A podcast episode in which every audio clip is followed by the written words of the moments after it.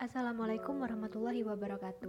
Kembali lagi dengan kami kelompok 5 Yang kali ini akan mengangkat tema ontologi keluarga negaraan Yang memiliki pokok bahasan di antaranya Wawasan Nusantara, Bineka Tunggal Ika, Ideologi Bangsa, dan konsep keluarga negaraan namun, pada kesempatan kali ini kita akan fokus pada salah satu pokok bahasan yaitu wawasan Nusantara. Nah, sebelumnya kita harus kenal dulu dong sama yang namanya wawasan Nusantara. Apa sih wawasan Nusantara itu? Wawasan Nusantara adalah cara pandang yang dimiliki oleh bangsa Indonesia terhadap diri sendiri dan lingkungan dengan mengedepankan persatuan dan kesatuan wilayah dalam penyelenggaraan kehidupan bermasyarakat, berbangsa, dan bernegara. Seperti yang kita ketahui, negara Indonesia merupakan negara multikultural, di mana Indonesia memiliki suku, ras, maupun agama yang sangat beragam. Itulah mengapa penting bagi kita untuk memahami banyaknya perbedaan tersebut melalui wawasan Nusantara. Yap, sebagai warga negara yang baik, hendaknya memiliki wawasan Nusantara sebagai bentuk perwujudan rasa nasionalisme.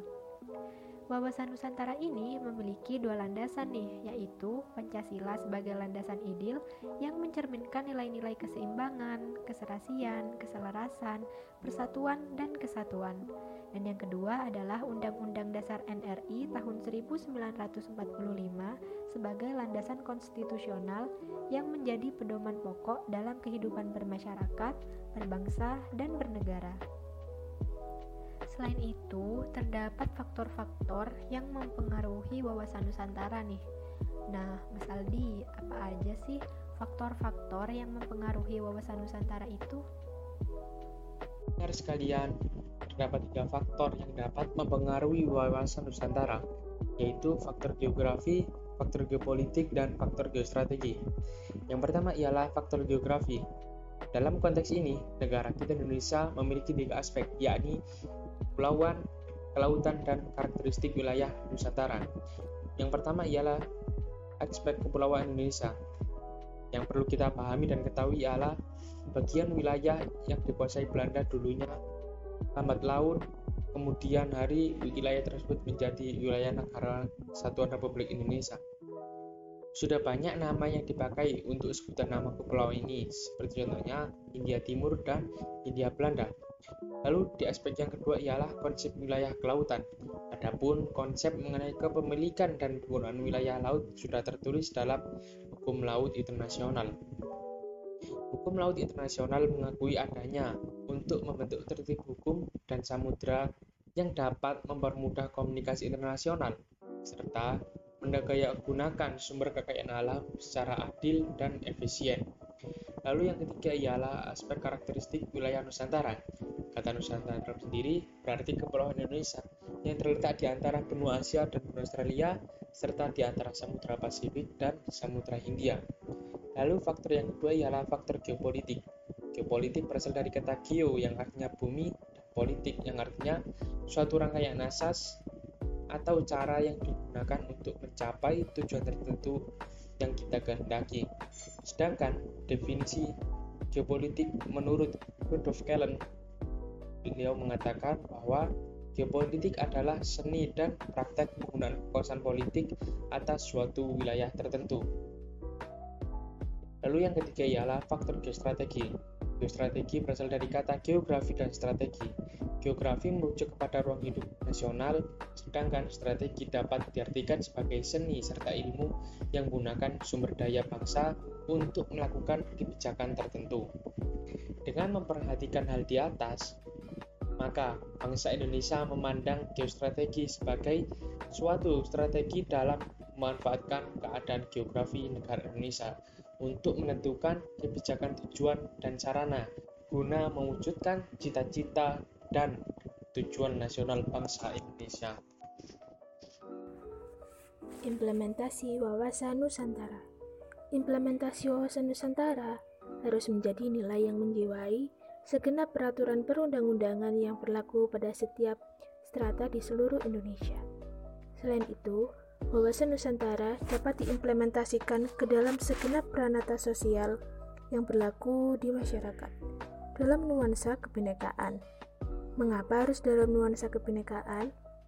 Dapat kita ketahui, semboyan Bhinneka Tunggal Ika memiliki arti berbeda-beda tetapi tetap satu jua. Jelas, pada hal tersebut berarti wawasan Nusantara harus diimplementasikan sesuai dengan kondisi bangsa Indonesia yang majemuk. Meskipun majemuk, bangsa Indonesia harus bersatu demi terlaksananya tujuan bangsa yang tertuang dalam pembukaan Undang-Undang Dasar 1945 alinea keempat. Dengan demikian, wawasan Nusantara diharapkan dapat menciptakan kehidupan bangsa Indonesia yang toleran, akrab, peduli, hormat, dan taat akan hukum. Semua itu menggambarkan sikap paham dan semangat kebangsaan atau nasionalisme yang tinggi sebagai identitas bangsa Indonesia. Implementasi wawasan Nusantara dalam kehidupan harus dapat menciptakan tatanan yang benar-benar menjamin pemenuhan, peningkatan kesejahteraan, dan kemakmuran rakyat secara merata dan adil. Dalam mengembangkan kehidupan bangsa, maka harus serasi dengan masyarakat, baik dari segi budaya, status sosial, maupun daerah seperti dengan adanya pemerataan pendidikan di semua daerah. Di samping itu, implementasi wawasan Nusantara harus mencerminkan tanggung jawab pengelolaan sumber daya alam dengan memperhatikan kebutuhan masyarakat antar daerah secara timbal balik serta kelestarian sumber daya alam itu sendiri. Dengan keberagaman yang dimiliki bangsa Indonesia, seharusnya mampu membangun kehidupan nasional yang baik Implementasi wawasan Nusantara ini dapat dilakukan berdasarkan nilai Pancasila, yang mana dalam implementasi wawasan Nusantara berupa kehidupan sosial dan budaya. Dalam kehidupan sosial dan budaya akan menciptakan sikap batinia dan lahiriah yang mengakui dan menghormati segala bentuk perbedaan atau kebinekaan sebagai kenyataan hidup sekaligus karunia Sang Pencipta. Implementasi ini juga akan menciptakan kehidupan masyarakat dan bangsa yang rukun dan bersatu tanpa beda-bedakan suku, asal-usul daerah, agama, serta golongan berdasarkan status sosialnya. Selain itu, agar hati nurani setiap warga negara Indonesia dapat tergerak untuk bermasyarakat, berbangsa, dan bernegara maka diperlukan pendekatan dengan program yang terarah, yaitu berupa keadilan. Jika keadilan itu ditegakkan, maka setiap masyarakat mempunyai adab untuk mengikuti peraturan-peraturan tersebut. Sedangkan dalam kehidupan pertahanan dan keamanan juga akan membentuk sikap bela negara pada setiap warga negara Indonesia. Kesadaran dan sikap cinta tanah air serta bela negara ini akan menjadi modal utama untuk menggerakkan partisipasi setiap warga negara Indonesia dalam menanggapi setiap bentuk ancaman. Selanjutnya, kita akan membahas tentang implementasi di dalam undang-undang nih teman-teman. Nah, kalau implementasi di dalam undang-undang berkaitan dengan pelaksanaan kehidupan yang terdapat dalam undang-undang. Misalnya undang-undang parpol atau undang-undang pemilu.